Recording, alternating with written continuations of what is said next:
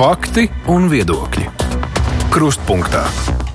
Šobrīd, kad Krievija post Ukrainu, mēs nevaram aizmirst par zaudējumiem, ko savulaik padomju okupācija nodarīja Latvijai. To aprēķināšanai jau 2005. gadā tika izveidota īpaša komisija, tomēr krīzes dēļ. Tās darbs četrus gadus vēlāk tika apturēts, bet tagad komisijas darbs ir atjaunots un par tās vadītāju kļuvis Vidzemes augstskolas vadošais pētnieks, vēsturnieks Gats Krūmiņš. Labdien! Labdien! Komisijas mājaslapā ir minēts, ka komisijas uzdevum, uzdevumā ir izstrādāt vairāk nekā 50 pētījumi, veiktas 56 ekspertīzes, ir tiek veidota joprojām papildināta represēto personu datu bāze, ir izdoti sējumi aizvestie trīs, uh, ir izdotas grāmatas tiek gatavotas grāmatas, un nu, vispilgtāk laikam parādījās 9. gadā tas um, tajā ziņojumā aprēķinātie zaudējumi 200 miljonu latu apmērā. Miljārdu. Miljārdu latu apmērā es arī tā skatos, ka īsti pārāk maz šķiet. Tie ir apmēram 300 miljārdi eiro. Toreiz nu, tā summa daudziem šita pārsteigums, daudziem šķita neticami, apstrīdama, citam šķita ļoti pat ticama. Cik šobrīd šie skaitļi ir aktuāli, vai arī komisijai pie tā vēl ir jāstrādā?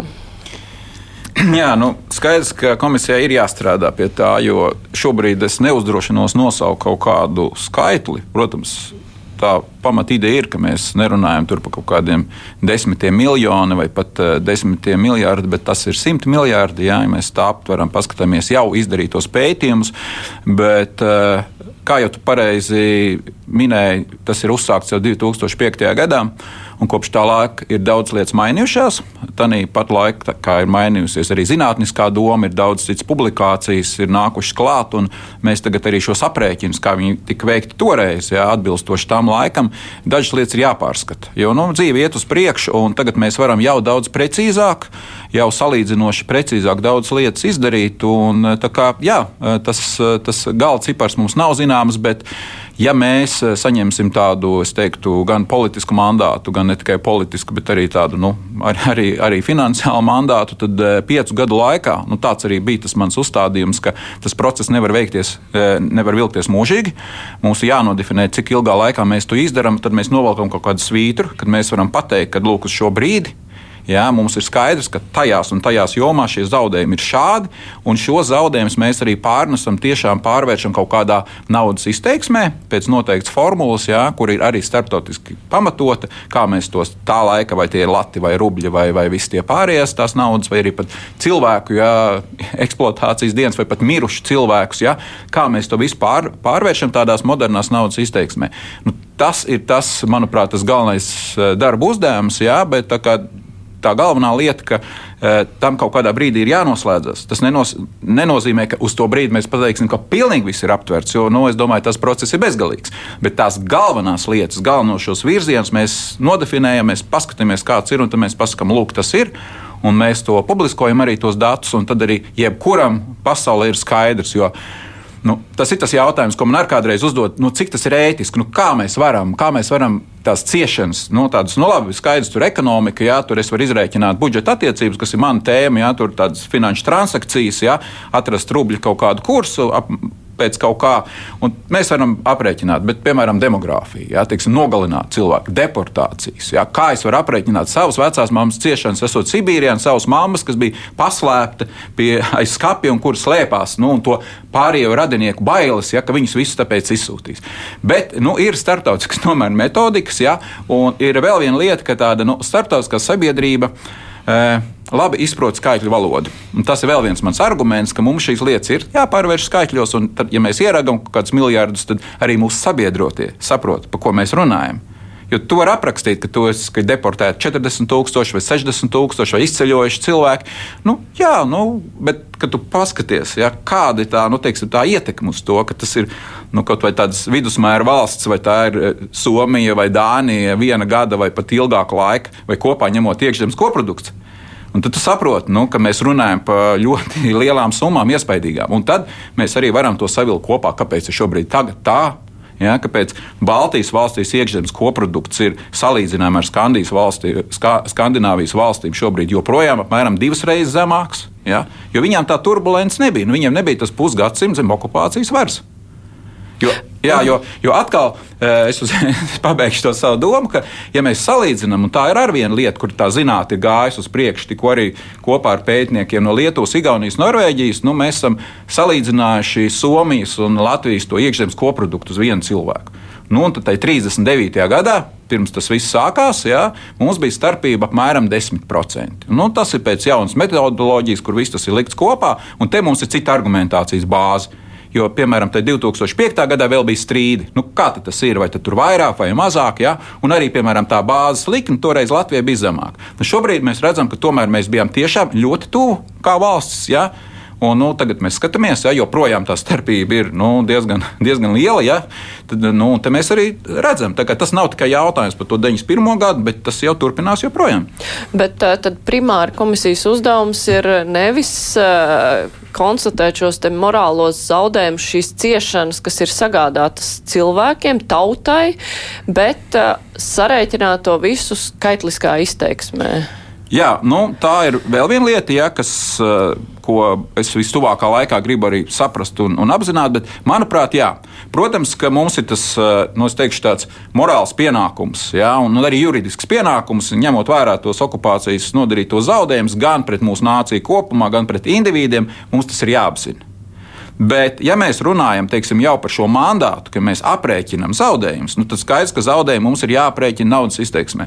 Tā kā es teiktu, ka jā, šajā gadījumā arī šis, šī naudas izteiksme ir nepieciešama. Ja, jo, jo tas arī zem tieslietu ministrijas mums ir. Ja gadījumā mēs nonākam kaut kādā starptautiskā situācijā, ja, tad mums šī argumentācijas bāze ir sagatavota. Ja, mēs saprotam šo ceļu, un mums ir arī aprēķini. Jo tas tiešām ir nu, ilgu gadu darba rezultāts. Ja, tas to nevar vienā dienā izdarīt. Ja mums pienāk tāda ģeopolitiska situācija, kur ļoti ticams var pienākt, ja, ka Krievijai ir jāatgriežas kaut kādā rietumu civilizācijas telpā, Un tad mēs, kā rietumu sabiedrība, pasakām, nu, kāda ir viņas mājas darba. Tas nav tikai, ka viņi nožēlo karu Ukrajinā un, un izdara to, kas ir saistīts ar Ukrajinu, kaut ko nokompensē, bet ir vesela virkne citām lietām, kur ir jāpārvērtē, jāpaskatās vēl atpakaļ. Un, manuprāt, šis PSRS periods, ņemot vērā, ka Krievija ļoti akcentē tieši to, ka viņš ir e, PSRS tiesību pārņēmēji, mantinieks visu šo, visu šo viņa akceptu, tad tas, manuprāt, tas ir saistīts visciešākā veidā,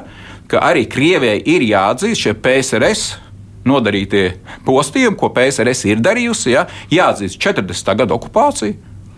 Arī tie ir tie starptautiskie jautājumi, kas ir jāizdara. Pirmkārt, starptautiski jābūt pa 40. gadu ir kaut kādiem lēmumiem, ko arī tajā piektajā gadā saimnes deklarācijā to arī atzina, ko tā komisija sākās. Tad, tad mēs 4. gadā iestājāmies Eiropas Savienībā, un 5. gadā mēs sapratām, ka esam jaunā situācijā.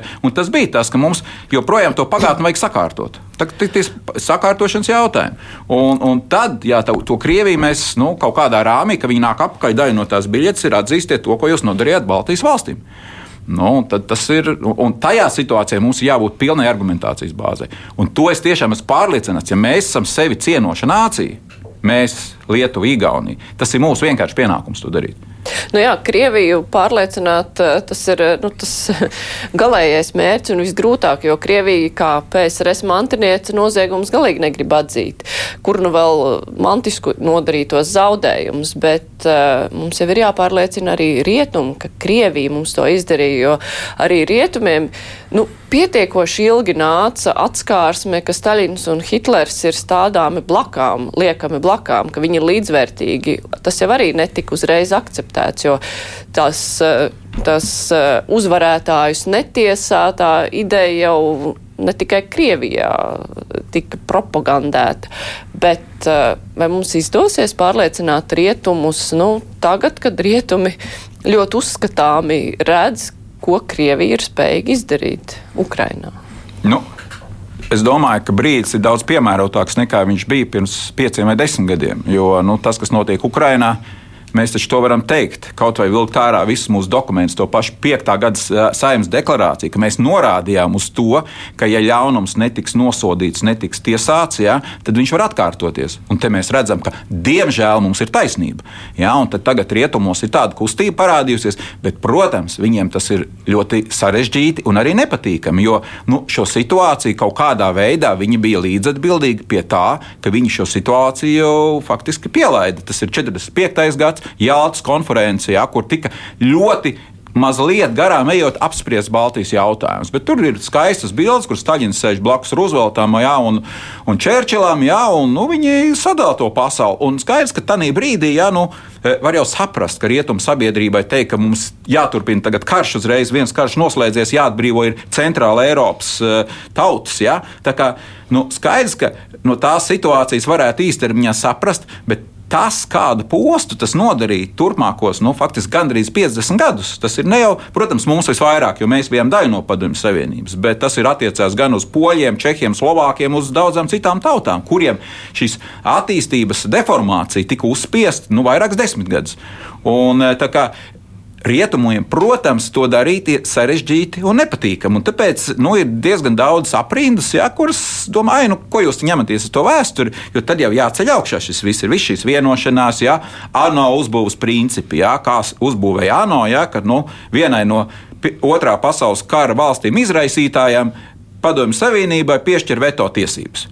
Nu, nu, nu tas, ja, ja tagad mēs un tā tagad paskatāmies, mēs baudam to. Jā, un tagad augus. mēs to baudam, ka mēs būtībā tagad, ka ir, mēs nonācām, tur ir faktiski jau divas valsts, Ķīna to tik aktīvi neizmanto, jo vienkārši nav dienas kārtība, bet būtībā šādas valsts nu, noliekot tādā ekskluzīvā situācijā, mēs redzam, kas notiek. Ja, un, un līdz ar to tāda ANO, kā starptautiska organizācija, lielā mērā nu, tādus risināt globālas ģeopolitiskas starptautiskas problēmas nav spējīgi. Nu, mēs, protams, varam runāt par ģenerālo asamblēju, ja, bet nu, vienalga tās eh, Krievijas ietekme ir milzīgi augsta. Tā kā, un te mēs redzam, un skaidrs, ka tā jātaisa ja tā filma, jātina atpakaļ un jāatzīst to visu. Nu, protams, ka tas ir nepatīkami. Bet, nu, manuprāt, nav cits scenārijs. Jo nu, tajā pašā rietumu pasaulē, nu, paskatieties, Vācija nu, ir pārvarējusi tās visas lietas. Viņš arī bija viena no kara izraisītājām. Jā, nu, tika par to arī smagi sodīta. Jā, ilgstoši pat sadalīta divās daļās. Nu, tagad Eiropas Savienība un NATO neviens nekādā veidā neapstrīd šo Vācijas tādu nu, ģeopolitisko nostāju. Jā, un arī šo sekošanu rietumu vērtībām. Nu, viens no Eiropas Savienības Savienības un arī NATO, es teiktu, viena no būtiskākajām valstīm. Lai arī, protams, ilgstoši atkal redzam tās sekas, arī tas militārais budžets, jā, un vispārējais, kas ir kaut kāda ietekme. Bet arī Vācija šobrīd nu, ir tās lietas sapratusi. Ja? Bet var saprast, un te mēs paskatāmies divi kara izraisītāji, kas ir Vācija un kas ir e, Krievija, PSRS mātinieks. Tās ir pilnīgi divas atšķirīgas lietas. Ja? Un tāpēc ar Vāciju mēs esam pat kaut kādu izlīgumu, kā Latvijas valsts arī noslēguši. Mēs apzināmies, ka tie zaudējumi bija lieli, bet tā diplomātiska nota ir no Latvijas puses bijusi, ka mēs kā kaut kādu nelielu kompensāciju esam saņēmuši, bet, bet nu, mēs neprasām. Viņi ir mūsu sabiedrotie. Nu, poļi tagad to visu ceļ augšā. Es nezinu, manuprāt, tas nav īsti pareizi, bet nu, poļiem laikam kādu savu iekšpolitisku apsvērumu kaut kas tāds. Bet uh, nu, valstis uh, pēc uh, kariem maksā reparācijas zaudētājs. Uh, nu, nu, tur ir viss skaidrs, tur valstis vienojās, vienam ir jāmaksā, jo karš ir beidzies, zaudētājs maksā.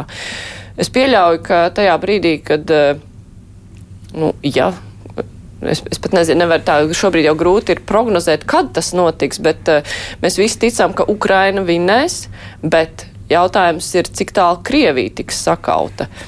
Vai no Krievijas kaut ko izdosies sagaidīt tikai tad, kad tā tiks sakauta? Nu, tā kā vēsture rāda, ieejot cits valsts karaspēkam tur, vai arī Krievija var sakaut kaut kā citādi?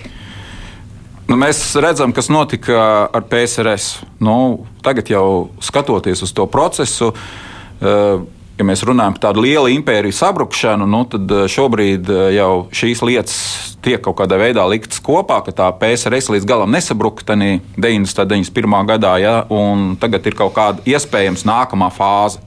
Ja, tā brūkšana ir turpinājusies, un pakāpeniski nu, šīs valsts, kā Ukraina, ir nolēmušas iet savu ceļu, un tad šī, nu, šis impēriskais centrs mēģina atjaunot to ietekmi. Bet tu pareizi teici, ka būtībā reparācijas Nu, tāda ir tā starptautiskā praksa. Realtāte maksā tas, kurš ir zaudētājs, tas, kas ir nospiests uz ceļiem, un viņiem vienkārši nav citu variantu. Bet tas obligāti nenozīmē tādu pilnīgu okupāciju. Nu, pēc Pirmā pasaules kara arī Vācija. Viņi kapitulēja, nu, bet viņi nebija okupēta valsts. Jā. Viņi saprata, ka viņi to karu nevar pavilkt iekšpolitiski, jā, tur vēl drīz pēc tam revolūcija, viņi kapitulē. Viņi piekrīt teritoriālām izmaiņām, viņi to visu maksā. Līdz ar to tas ir jautājums par to starptautisko, kāds ir tas starptautiskais spiediens un kā starptautiskā sabiedrība to uztver.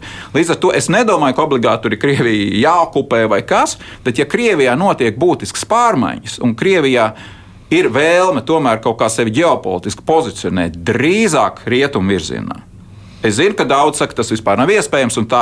Nu, tik traki nav. Ja mēs skatāmies nu, salīdzinoši ilgi visu 19. gadsimtu, Krievija, tā viņas elite, viņi bija kaut kādā veidā, protams, ar kaut kādām savām īpatnībām, bet viņi tā kā virzījās un bija, nu, gāja tajā rietumu virzienā.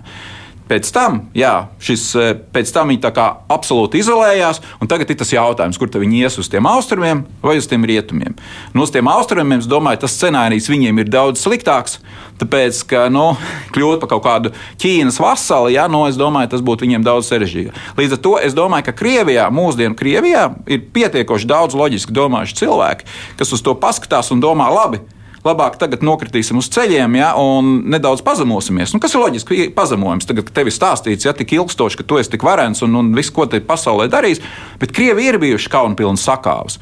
Pirms eh, vairāk kā simts gadiem Krievu-Japāņu karš. Japāna tā bija pirmā Eiropas kā valsts, kaut kāda Āzijas valsts bija sakāvusi. Tas bija, nu, tā bija smaga sakāva kaunpilna, ja, gan uz jūras, visur. Ja, līdz ar to nu, Krievija ir bijuši daudz, ļoti daudz militāras neveiksmes. Un tas pats Krievijas-Somu karš, 39. un 40. gadsimta. Viņi to ideoloģiju, ka viņi neuzvaram armiju, ja, nu, nu, tas ir pilnīgi šķērsām. Bet tas viņiem ir jāsaprot. Nu, tā kā to saprata vācieši. Un tajā situācijā, ja tu gribi to sabiedrību mainīt, nu, un Tomēr tai krievu elitē ir daudz cilvēku, kas grib savu laiku pavadīt Eiropā. Nu, ja tev jāsalīdzina, kurā sabiedrībā tu gribi būt, vai Ķīnā, kas iet uz totālu kontroli, ja, vai nu tu tomēr gribi tajā Eiropā ar visu to liberālismu, kas mums ir, kur viņi lamā, bet paši to visu izbauda. Tā kā es domāju, ka ir iespēja un gana liela, ja, ka Krievija tomēr lemj iet, bet tas, protams, viņiem jāiet kaut kādu nu, nu, tādu līdzīgu scenāriju, tā kā bija Nīrnberga, ja, attiecībā uz Vāciju, nu, un pa Krieviju, bet nu, tur mums jāņem tas spektrs. Ir, nu, jāpakāpjas pagātnē. Tas nav tikai stāsts par Ukrajinu. Jo, jo tur arī būtu tā kļūda, ja mēs teiktu, ka tas ir tikai Ukraiņa. Tad ļoti ātri Krievija atzīst, un atkal viņi turpināt, jā, labi, Ukraiņa, bet reka tur atkal tā Baltija, reka vēl kaut kas. Viņiem ir jāizprot vispār, ka tas imperiālisms ir noiets etaps. Ja tu gribi nākt rietumu civilizācijā daļu no pasaules kārtības, tev ir jāatmet tās idejas, jānosoda un tev jādzīvo pēc citiem principiem. Protams, arī tā rietumu pasaule nav ideāla, bet tā ir tomēr pavisam cits spēles noteikumi. Un tad, kad tu nāc atpakaļ, tad tu atzīsti, ja, tu atzīsti, ka tu, jā, ko tu izdarīji Baltijā, ko tu, atzī, ko tu izdarīji Polijā, ja Čehoslovākijā, 68. gadā, 56. gadā Ungārijā. Tu visu to spektru atzīsti, ka tas nebija pareizi. Un ir iespējas, taču nu, PSRS tautas deputātu kongress arī, man liekas, 89. gads tas bija, 90. gads, kad nosodīja arī un atcēla to Molotovu-Ribbentropu, to visu to protokolu slepeno vienošanos, to atzina. PSRS tautas deputātu kongresa. Tā kā pie noteiktām situācijām, nu, es domāju, iespējamība ir. Bet skaidrs, pilnīgi pareizi tas ir tikai tad, ja visticamāk, ja tā ir kaunpilna sakāve, jā, un arī, protams, politiskās sistēmas maiņa. Nu, tad, tad jā. Nu, un e, ir, e, ja mēs runājam par e, PSRS radītajiem zaudējumiem un visiem šiem datiem, kas te parādīsies, uh, Vai tiem izdotos pārliecināt arī sabiedrības, tajā skaitā to sabiedrības daļu, kura dzīvo Latvijā, kur ir iebraukuši šeit padomi okupācijas laikā un joprojām dzīvo pārliecībā, ka viņi te visu uzcēla un ka nu, mēs te visu tagad eh, noplicinām, ko viņi reiz bija mums uzdāvinājuši, jo tā domāšana jau ir pilnīgi cita. Jā, nu, skaidrs, tas ir joprojām dzīves, ir palicis daudz labāk. Godīgi sakot, tā nu, pēdējos desmit gados jau tā mūsu argumentācijas bāze ir lielāka. Un tādu skatoties arī tādu mēdīju monitoringu, arī pa laikam pavērtējot, tad uh, arī mūsu tajā zinātniskajā vidē tad, kad parādījās, un tad, kad mēs sākām analizēt to situāciju, tad eh, nu, tāda izpratne par to kopskatu nebija. Un arī es teiktu, ka Latvijas sabiedrībā, īpaši tas bija 90. gados, nu, bija tas narratīvs, ka re, te taču viss, kas tik te nebija, rūpnīca, te kolhoz, viss te milzīgi notiek dzīve, viss mutuļoja un viss te notiek, un reku tagad ir neatkarība un viss tā pajūtas tās, tās, tas viss. Lauki jā. izmiruši, rūpnīca jā, jā, un viss pārējais. Jā, jā, tieši tā. Nu, lūk, bet, eh, tieši šādi pētījumi, jā, jau parāda to e, visu šo, nu, šo modeli. Kā, kādā mēs bijām, kā Latvija, kā Baltijas valsts ieslēgts iekšā, nu, šī modeļa, nu, vienkārši sakot, tas bija tāds nu, koloniāla pieeja ka šeit tiešām tika ļoti daudz ražots. Nevar noliegt. Rūpnīcas bija lauksaimniecība, arī produkcija, gaļa, piens ražoja ļoti daudz visu kaut ko. Un, bet jautājums, kas ar to notika? Un, un, un kādā veidā. Un, e, tur jau ir tā lieta, ka paskatoties to kopējo bildi, saliekot visas tās finanšu plūsmas, ir redzams, ka tā pievienotā vērtība, tā nosacītā peļņa, kas tika gūta, tā tika aizvest uz šo centru, kur viņi īstenoja savas programmas, kodola programmas, tur karus, jā, palīdzības, tur pērkot balsis Āfrikas valstīm, visu to darīt, bet lielā mērā tas tika darīts šeit. Piespiedu integrāciju tajā modelī, uzspiežot zemes kvalitātes preču ražošanu kopumā. Jā. Tas jau kāpēc tad, kāpēc tad, tad eh, pasaules tirgo, ja būtu konkurētspējīgs mūsu lauksaimniecības, rūpniecības produkcija, vai tad viņi neaiziet uz urā? Mēs redzam nozars, kas ātri atkopās, jā, kokrūpniecība, jā, piemēram, jā, kur bija augsts pieprasījums salīdzinoši, un, un, un tā mums strādā arī uz eksportu. Un, un pakāpeniski mēs transformējam šīs lietas, jā, esam nonākuši arī citur. Labi, mums nav vefs, bet mums ir mikrotika un daudz citi uzņēmumi, kas ļoti eksportē, daudz tās lietas dara. Bet, eh, bet tā ir tā lieta, ka kopumā. Atbildot uz to jautājumu, ir joprojām diezgan liels darbs darāms ar cilvēkiem, ar dažādiem, es teiktu, ar, ar, no, ar dažādām paudzēm. Ja? Un, un, protams, tas mūsu lielais izaicinājums ir, ka, diemžēl, tās informatīvās telpas ir dažādas. Ja? Un, un eh, joprojām arī sabiedrības šī atmiņa ir dažāda. Ja, piemēram, eh, nu, teiktu, tomēr tā latviskā vide, kas ir, ja tā salīdzinot latviskā vide, tad tā tomēr jau vairāk ir notransformējusies. Viņi apzinās to, kas ir, bet tā faktiski tā vide, kas joprojām ir cieši saistīta gan tīri ar atmiņām par šo laiku, ko viņi mācījās skolā, ko viņi darīja, teiksim, nu, ar šo vecāko paudzi, arī šie bērni vispārējie, un vēl viss tā piešķirts, kas nāk no Krievijas mediju telpas, un, protams, ir izaicinājumi. Ja? Nu, tā, tā mūsu sabiedrība ir sadalīta. Bet uh, ir vēl tās lietas, kas, ir, nu, kas nāk ārā no šiem pētījumiem, ja, kur mēs redzam, ka viens no tādiem jauniem virzieniem tas ir tiešām šīs sociālās un morālās ilgtermiņa sekas. Un tas ir tas, ka tomēr eh, nu, arī šajos 90. gados, un līdz pat mūsdienām, mēs līdz galam neapzinājāmies, cik ārkārtīgi mūsu domāšanas veidu, mūsu vērtību sistēmu degradēja atrašanās šajā PSRS okupācijas eh, telpā. Nu, arī mani. Arī mani kurš tur izgāja skolu, es pilnīgi noteikti pirms desmit gadiem, kad man ievēlēja pa vidzemes augstskolas rektoru, būtu bijis daudz labāks rektors, ja es būtu gājis kaut kādā nu, citā, pavisam nācis no citas sistēmas. Jo ar manām zināšanām, manām kvalitātēm, kāds es biju, nevienā citā Rietumē Eiropas valstī, mūžām par rektoru nebūtu ticis. Un tā jau nav mana kaut kāda personīgā vaina, bet ir, nu, tā ir tā sistēma. Un tu nevari viņu ātri izmainīt. Un tas ir tas sabiedrības rīcības modelis. Tas ir saistīts gan ar to politisko vidi vispār, jo joprojām, ka nu, ik pa laikam kultūras cilvēki nāk un cepās, un ka te nepareizie politiķi, un tam meklē kaut kādus, re, ka mums vajag mainīt politisko sistēmu, tur vai nu tur valsts vēlēts prezidents vēl.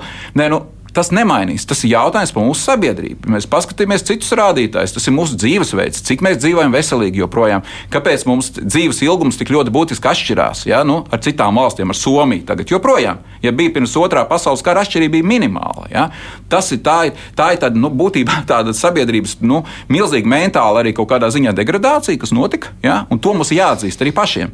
Mēs nevaram teikt, nē, nē, viss mums ir kārtībā. Un, un ja mēs to sākam arī paši atzīt, līdz ar to tā ir tāda, es teiktu, arī iekšē. Tas tikai nav jautājums par Krieviju. Kā mēs kā sabiedrība, un tad, ja mēs saprotam visu šo bildi, tad jau mēs varam saprast, ka pat šobrīd mērķiecīgi darot kaut kādas lietas, mēs varam ātrāk to pārvarēt. Jo savādāk tās būs vēl vairākas desmitgades. Jo mēs jau kā peldam pareizā straumē, tagad Eiropas Savienība, mēs esam pareizā vietā. Bet tas kuģis mums ir, nu, viņš iet šitā, viņš pagriežās mazliet tā, kādreiz iet kā ātrāk, bet būtībā tas iet pēc inerces. Mums ir, ja, ja mēs apzināmies visu šo milzīgās sekas, joprojām mums ir iespējas caur izglītības sistēmu, daudzām citām problēmām veicināt tās lietas, lai mēs noķertu šīs Eiropas valsts. Kāpēc tas IKP Dānijā un Zviedrijā, Somijā ir vidēji divreiz augstāks nekā Baltijā? Ja? Izprast tās lietas līdz galam, tās ir, tās ir tā vesela virkni jautājumu. Tas ir kaut vai uzņēmīgu cilvēku īpatsvars. Tie cilvēki, kas ir gatavi uzņemties atbildību, uzņēmējdarbību, visas šīs lietas, kas ir ne tikai tā kā gudrs, bet uzņēmīgs. Un šāda īpatsvars mums ir nu, daudz zemāks, diemžēl, un to radīja tas otrais pasaules karš un PSRS okupācijas periods. Tāpēc, ka tad par tādām lietām represēja, ja nu, mēs pazaudējām toreiz no diviem miljoniem cilvēkus apmēram nu, ap 480 tūkstoši, ceturtā daļa no mūsu cilvēkiem, kas bija, jā, mēs, mēs pazaudējām. Un pēc 15 gadiem mums parādās jauna cilvēka vietā. Kas, kas ir ceturtā daļa. Bet ko mēs pazaudējam? Mēs mūsu eliti pazaudējam. Ja? Tas ir Vācu baltieši aizbrauca, ebreju holokausts, ja?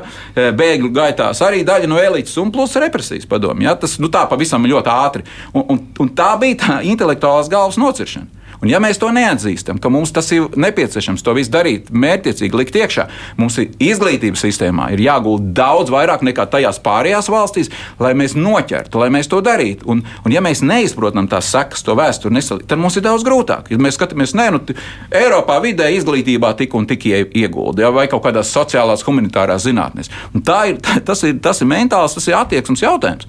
Ja? Protams, tas mainās visu laiku pozitīvi, katru jauno paudzi, bet nu, vai mēs gribam gaidīt viens 30 gadus, 50 gadus, vai mēģināt nu, jau 10 gados jau ātrāk kaut ko darīt? Nu, nu tas ir, un manuprāt, tas arī tas galvenais, kāpēc es uzņēmos šo. Es saprotu, ka tas nav tikai jautājums sarēķināt un varbūt kaut ko, bet tas ir iedot to ieskatu sabiedrībai, mums pašiem sevi izprast, nu, visas šīs lietas. Nu. Un, Protams, nepatīkami atzīt, ja, ka tu varbūt esi kaut kādā ziņā lielāks muļķis par citiem kaut kādos jautājumos joprojām bet tas tev palīdz pēc tam saprast, kas tad man trūkst un kāpēc. Un tad es kaut ko pielieku klāt, pielieku saviem bērniem, un tad mēs virzamies uz priekšu. Es eh, te izlasīšu to klausītāju vēstuli, kas eh, brīvā mikrofona laikā tika atsūtīta. Vai būs kāda komisija, kas aprēķinās, cik ir zaudējumi no likvidētām ražotnēm un fabrikām, kā sarkanā zvaigzne, VF, komēta, cukurfabriks, pafīra fabriks un citas? Un uh, vēl cits klausītājs raksta, vai ne sākumā nevajadzētu sarēķināt Latvijas valstī nodarītos zaudējumus nelikumīgas privatizācijas, OIK un citus koruptīvu darbību rezultātā. Tā taču pavisam tuvu vēsture.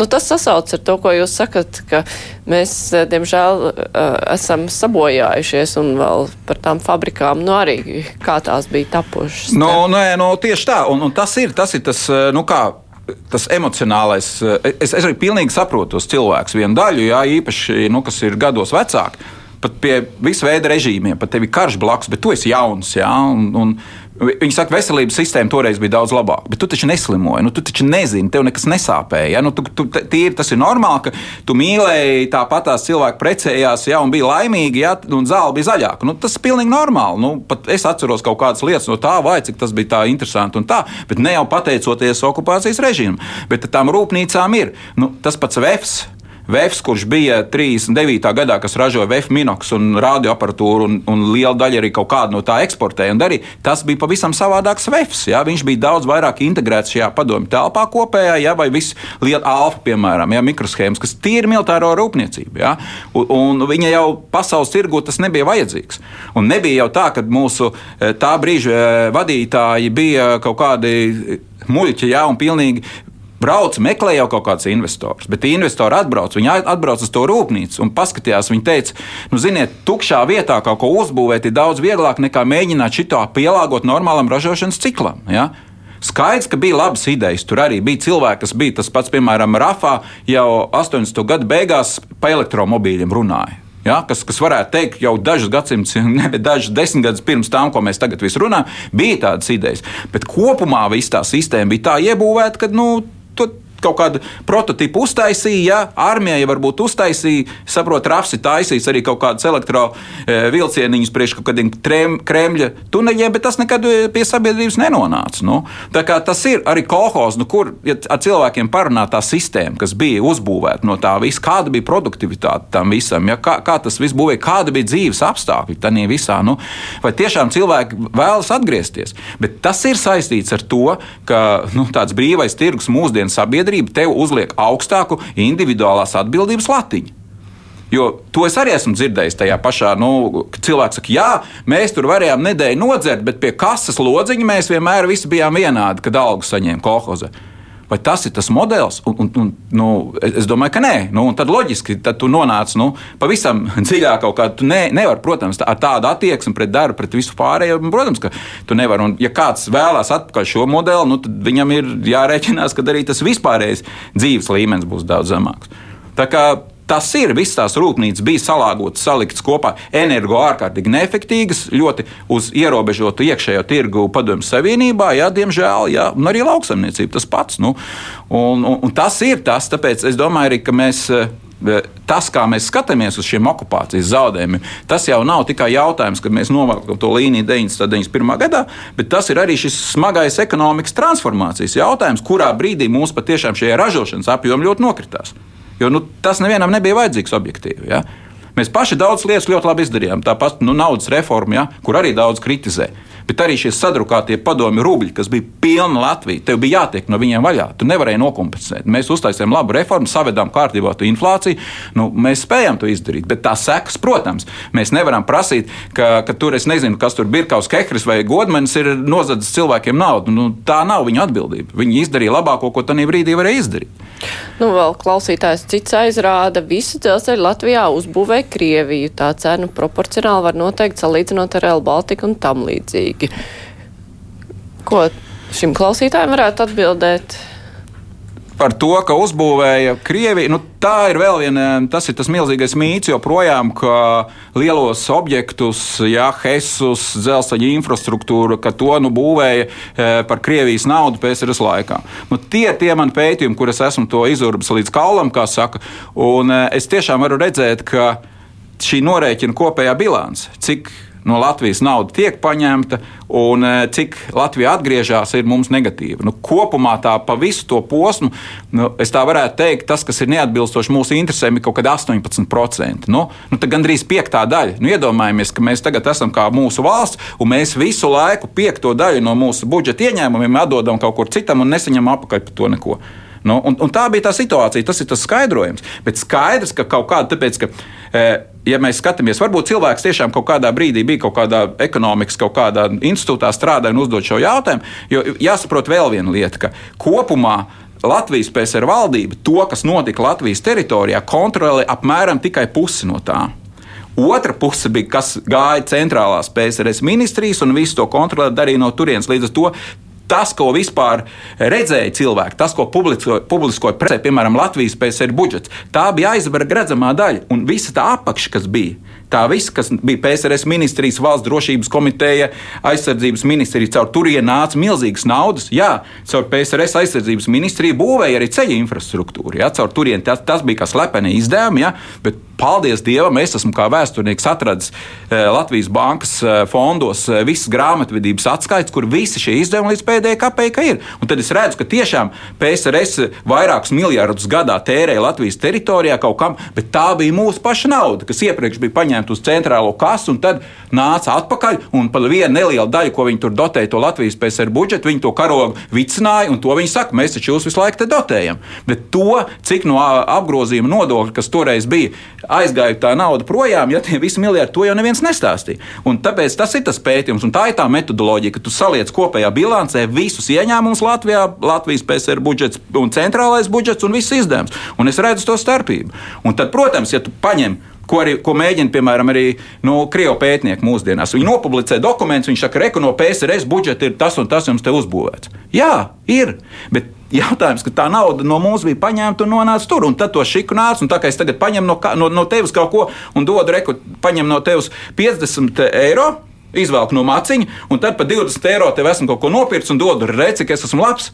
Ja? Un tev tā nav sajūta, ka es esmu baigts labs, jo, bet, bet, var, bet, bet tu jau nezini, ka tas eh, no tie 50 ir paņemti ja? vai novilkt no bankas konta, ja? jo tas tev nav prasīts. Līdz ar to tā ir vēl viena lieta, ka eh, Staļina laikā tikai ceturto daļu no ekonomikas kontrolēja vietējā valdība, trīs ceturdaļas centrālā. Ja? Un tad tas mainījās, un nu, 80. gados apmēram puses pusi bija. Nu, kā, nu, tas, ir tas, un, un tas ir tas, ko cilvēki nezina, un par to ir jārunā un jāstāsta. Nu. Es atgādināšu klausītājiem, mūsu Latvijas televīzijas skatītājiem arī, ka šodien kopā ar mums ir Vidzemes augstskolas vadošais pētnieks vēsturnieks Gats Krūmiņš, kurš vada komisiju, kas aprēķina PSRS okupācijas nodarītos zaudējumus Latvijai. Un tūlīt mēs sarunu turpināsim. Raidījums Krustpunktā. Runājot par informāciju, tika pieminēta informācija, kas ir atrasta Latvijas arhīvos, kur ir šie naudas plūsmas uz PSRS un atpakaļ. Bet tā visa informācija ir, ir Latvijā pieejama vai kaut kas ir, nu, būtu jāmeklē Krievijas arhīvos un kā vispār ir ar informācijas pieejamību tur. Es atceros, ka 11. gadā tika izveidot Latvijas-Krievijas vēsturnieku šī kopējā komisija un tad vēl bija tas mānīgais laiks, kad šita, ka Krievija ir eh, mazliet atsalusi un ka tagad varbūt varēs tikt pie arhīviem klāt, bet tagad, eh, kā ir tagad, tagad viss ir ciet un cauri. Nu, gan ciet un cauri, gan arī vienai daļai pētnieks domā, ka nav vienkārši iespējas to darīt. Bet tas nav nekas jauns, jo kopumā nu, šī arhīvu politika Krievijā ir bijusi daudz noslēgta. Bija neliels brīdis 90. gados 90. gadu sākumā, nu, kad tiešām nu, PSRS sabruka un Jēlcina tajos pirmajos gados, bija atvērt diezgan daudz arhīvu fondus, un tad arī nu, kaut kādas kopijas izdevās iegūt diezgan daudz dažādas dokumentus no turienes, jo skaidrs, ka mums ir daudz sarežģītāk, tāpēc, ka ļoti daudz lietas īpaši par to, kā tika pieņemti lēmumi, jā, jo kādā veidā tika pieņemti lēmumi, To tu vari atrast uh, tikai lielā mērā, tu vari atrast tikai Krievijā. Es arī nu, jau tie 11 gadi, ja, tieši tas laiks, kad es biju Maskavā arhīvos, kur es atradu dokumentus par to, kāds bija pamatojums un kā gatavoja 49. gada deportācijas. Jo mums tas priekšstats no šejienes, nu, jā, nu mēs zinām, ir PSRS lēmums, jā, pēc tam ir Lācis parakstījis ministrs padomus lēmumu, un tad nu, ir deportēto sarakstu kolaki, nu tāds diezgan vienkārši. Bet, bet esot Maskavā, es atradu dokumentus, kuri saraksta jau no 48. gada vidus, kur jau Maskava reāli uzspiež šo jautājumu, un, un, un, un pat šī vietējā, kuras absolūti nosodām kolaboracionistu valdību, pat pretojās tam kaut kādā veidā. Viņi saka, nē, nu nevajag mēs te paši kaut kā, nevajag tiem kolhoziem tā steigties, jo, nu, lai arī tu tur esi komunists līdz kaulam, nu, Ieaugot vietējā vidē, tu saproti, nu, ka tas ir pilnīgi šķērsam, tas, kas tiek darīts, un plus vēl tās deportācijas. Ja? Un tad tikai 49. gada janvārī izsaucot viņus pie Staļina, no visas trīs Baltijas pirmos sekretārus, kas bija, un tad pateica, viss tev būs deportācijas. Vienīgā reize, kad Staļins viņus izsauca visus trīs. Un tad, protams, visi piekrita, ja, nolaida ausis un, un viss notika. Ja. Bet, bet to visu, ja, skatoties, kā un kas, jo domāju, tur jau ir tā, kāpēc arī Krievija nevar vēļāt to, jo tur ir redzams, kas izlēma to. Un tu, piemēram, tajā epizodē, ko es nejauši arī uzdūros, vienkārši e, vienā no ministrijām, kur ir vienkārši salikts kaut kādas, tur neviens nav skatījies. Tur ir tūkstošiem dokumentu blāķis. Bija pirmais cilvēks, kas skatījos e, toreiz tās attiecības starp Baltijas, Baltijas republikām un tīri kolhoz celtniecības. Tā viņš saucās kolhoz būvniecības tur, tur un tajā viņa ministrijā, kas tur bija.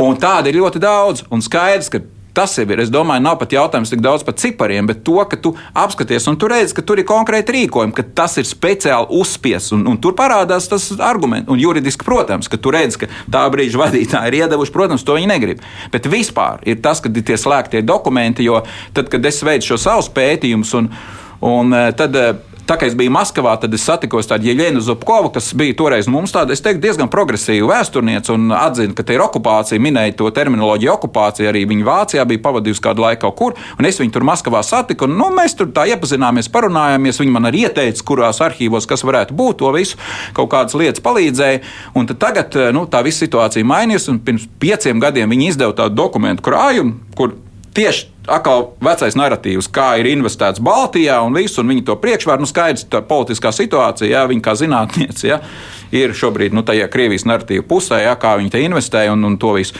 Un es tagad viņai aizsūtu, es saku, ah, un ka viņi turpinās vēl tos izdevumus. Es, es tagad viņai uz e-pasta saku, ja, ja, bet, nu, kaut kā neiet kopā. Es saku, nu, reku, man ir šī tā dokumenta. Viņa saka, man, man, man nemaz tāda nav. Kā nav viņš tie mums joprojām ir slepeni Maskavā visi, ja?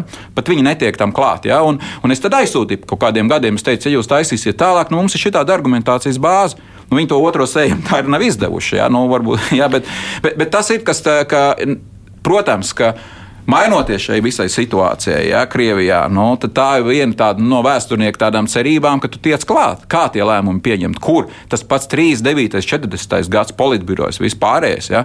Es nedomāju, ka viņi ir iznīcinājuši tos dokumentus, ja. bet, bet kā, nu, tā, tas, protams, atvieglotu. Bet ir kas ir. Nu, piemēram, tādas pašas grāmatvedības atskaites, kas bija, kur valsts drošības komitejas izdevuma pensijas, militāra persona, visas šīs lietas bija. Nu, līdz ar to es teiktu, tā, ka iedodot mūsu nu, tas, kas, uz ko es ceru, tā tendence ir iedodot arī nacionālajai pētniecībai vairāk naudas, mēs arī šeit uz vietas daudz vairāk varētu izdarīt. Jo nav jau tā kapacitāte. Nu? Nav jau tiem cilvēkiem, tu nevari pat tik nelielu naudu, kas vēsturē tiek atvēlēta, ja tu nevari to izdarīt. Jā, nu, par šo, šo mēs tūlīt turpināsim. Man tikai tas eh, viens jautājums uz mēles. Nu, kāpēc eh, vispār tādas valsts kā Krievija saglabā kompromatus par sevi? Nu, es domāju, nu, tas ir labs jautājums, jā, bet eh, tā ir daļa no tādas eh, kopējās, eh, man liekas, viņi nav varbūt aizdomājušies līdz galam jā, par to, bet ne, tā ir daļa no tādas sistēmas, jā, ka, ka tu, nu, tu redz to, bet es domāju, ka viņi uz to skatās savādāk. Viņi to redz kā veiksmes stāstu. Un viņi sūta savus kaut kādus ierobežotus pieejamības ļoti pētniekus, kas saka, mācieties, kā mēs toreiz darījām un dariet tāpat tagad. Tas ir savādāk. Es domāju, tas ir tas. Viņi jau tie, kas ir pie varas, to nenožēlo. Viņi uzskata, ka viņi visu izdarīja pareizi. Nu, iedomājieties, tas ir veiksmes stāsts. Paņemt bez neviena šāviena trīs Baltijas valstis, izlaupīti, ie, ieviest sev režīmu, nu labi, pretošanās kustība kaut kas. Tas taču no viņa perspektīvas ir veiksmes stāsts dažādām diplomātiskām manipulācijām, spēku pozīciju.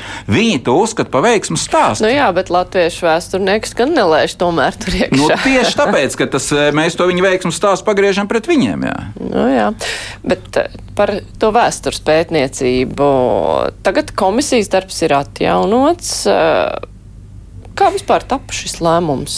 Kāpēc tagad viss notiek? Vai tam ir finansējums, vai ir gatavība pētīt to visu, atbild, ar, nu, tiksim, tā, atbalstīt ar naudu? Komisija jau darbojās desmit gadus. Bija. Jā, nē, viņi bija, un tad bija tas pārtraukums. Viņi darbojas. Es esmu kā jauns vadītājs tagad, jā, un iespējams, ka varbūt tāpēc tas kā, tā kā komisija ir bijusi.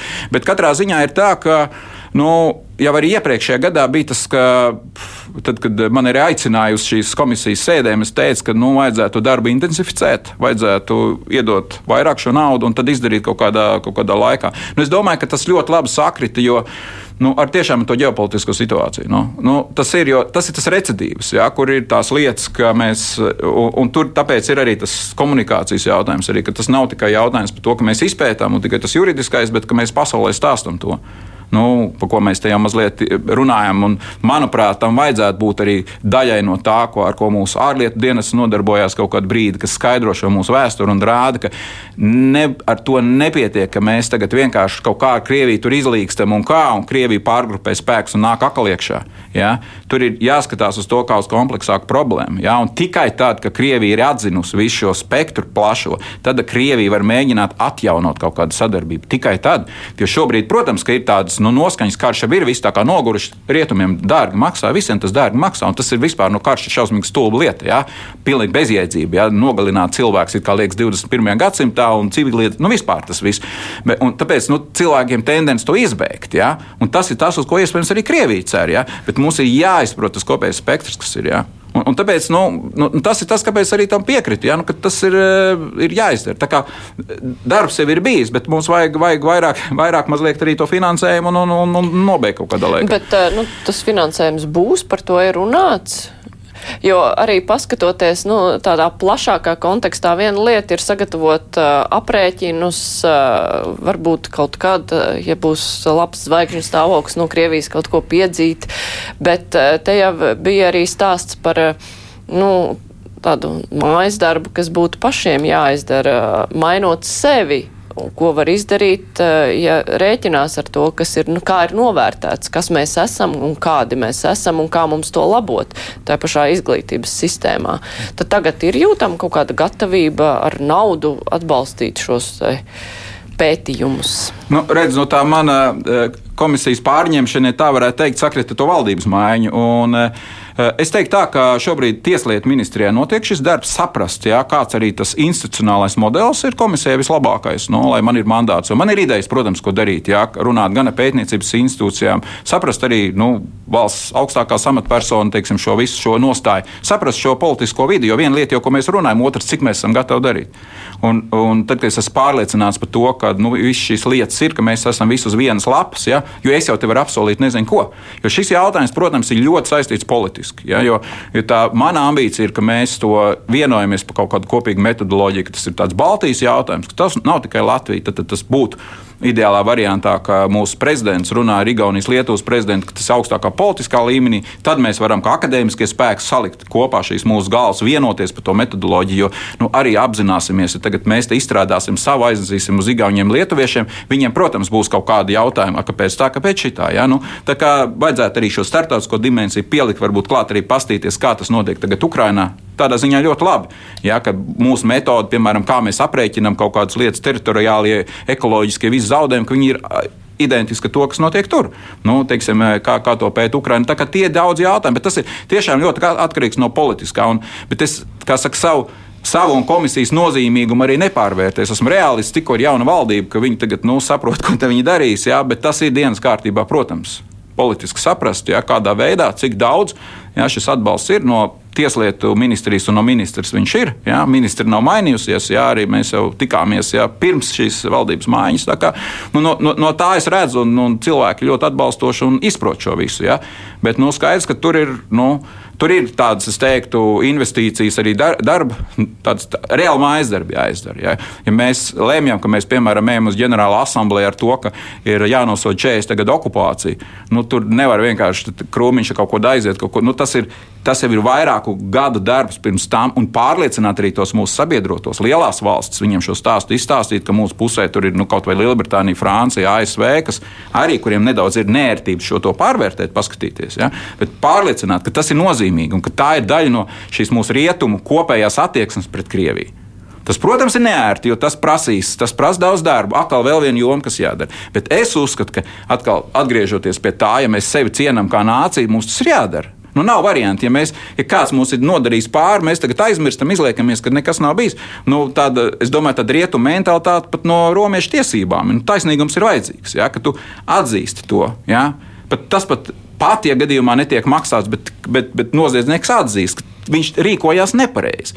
Ja viņš neatzīst, tad viņš uzskata, ka viņš Ukrainā rīkojās pareizi. Viņš var vēlreiz nākt pie mums tāpat darīt.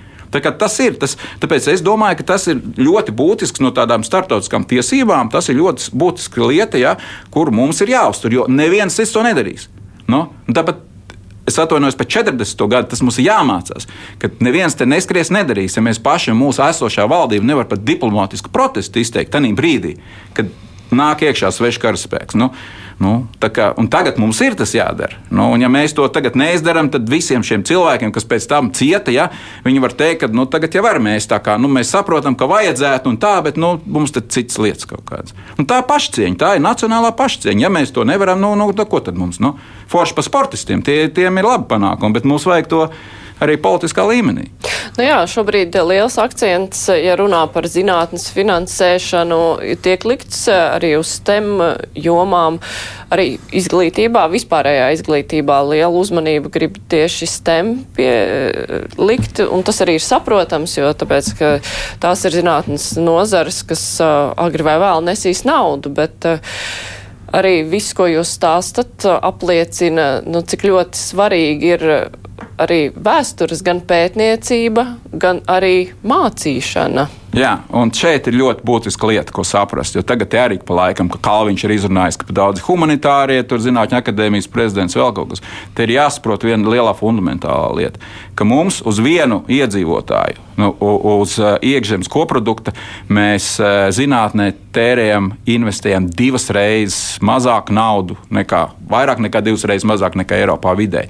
Mums Nacionālā attīstības plānā ir ierakstīts, ka mums būs 1,5%, mums ir divas reizes mazāk.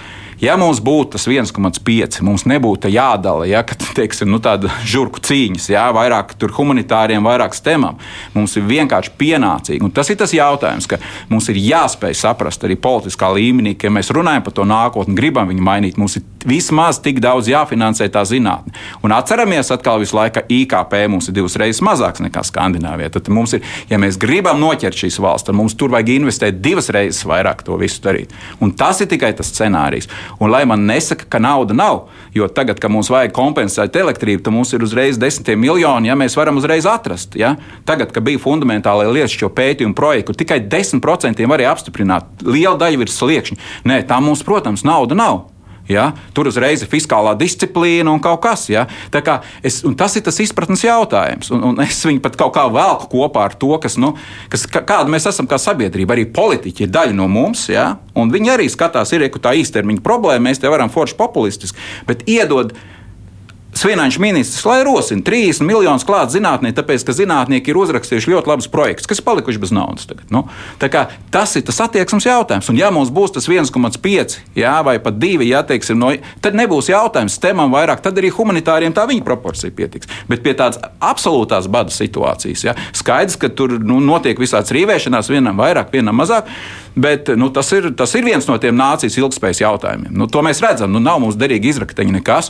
Nu, zinātne un izglītība nu, tās ir tās lietas, kur mēs uz nākotni arī raugoties. Ja mēs gribam, lai tas kuģis iet vismaz tādā pašā tempā, nevis kaut kā šķērsām, kas, nu, tad mums ir jāiet, mums tur ir jāgulda. Nu, es cits alternatīvas neredzu vienkārši. Kā nozars pārstāv, mums eh, tie trīs trīs minūtes apmēram palikušas. Vai kā nozars pārstāvi jūs satrauc tikai naudas trūkums zinātnē, vēstures zinātnē, vai arī tas, kas tiek mācīts bērniem skolās? Nu, man ir trīs bērnu skolēni, līdz ar to es labi zinu. Jā, es saprotu jautājumus, kas tiek mācīts skolā. Es teiktu, tā, ka ar saturu jau mums ir puslīdz viss kārtībā. Jautājums ir par skolotājiem. Un, ja tev tādā konkrētā priekšmetā ir labs skolotājs, kas tev motivē, tad bērns mācās un visu to dara. Līdz ar to tas atkal ir jautājums par investīcijām cilvēku resursos. Mēs jau varam kopēt, paņemt programmas vienalga vai no Somijas vai no citām valstīm, bet ja tev nebūs cilvēki, kas to īsteno, nu, tev neiz, nesanāks tas. Jā? Līdz ar to nu, tas ir tas jautājums. Bet nu. mācību materiāli?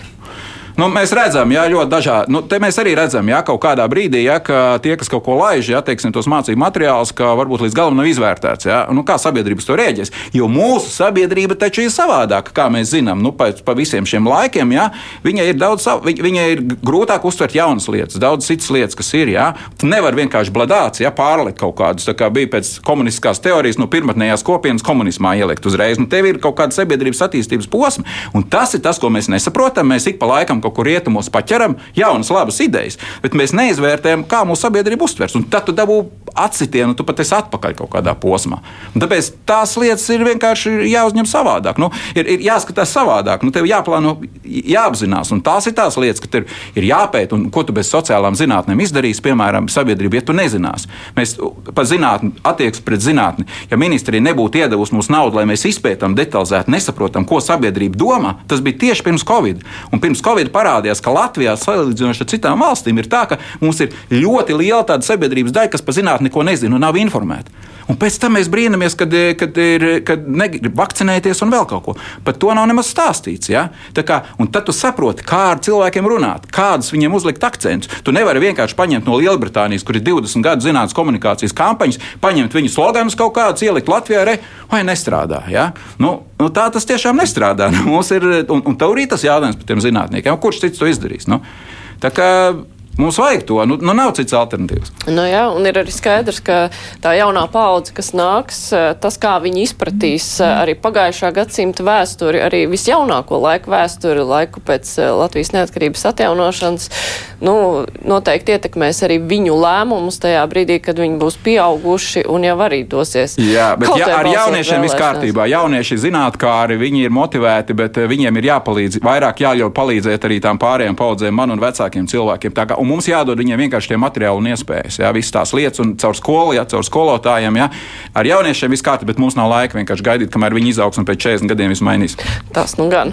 Paldies, Gats Krūmiņš, Vidzemes augstskolas vadošais pētnieks, vēsturnieks un vada komisiju, kas aprēķina PSRS okupācijas nodarītos zaudējumus Latvijai. Rīt kruspunktā mēs runāsim arī par smagu tēmu, par valsts kontrolas izpētīto onkoloģijā, par to, ka valsts tā arī līdz galam nenodrošina vēža agrīnu diagnostiku, medikamentus, un tad mēs spriedīsim, nu, kā tad risināt šīs problēmas.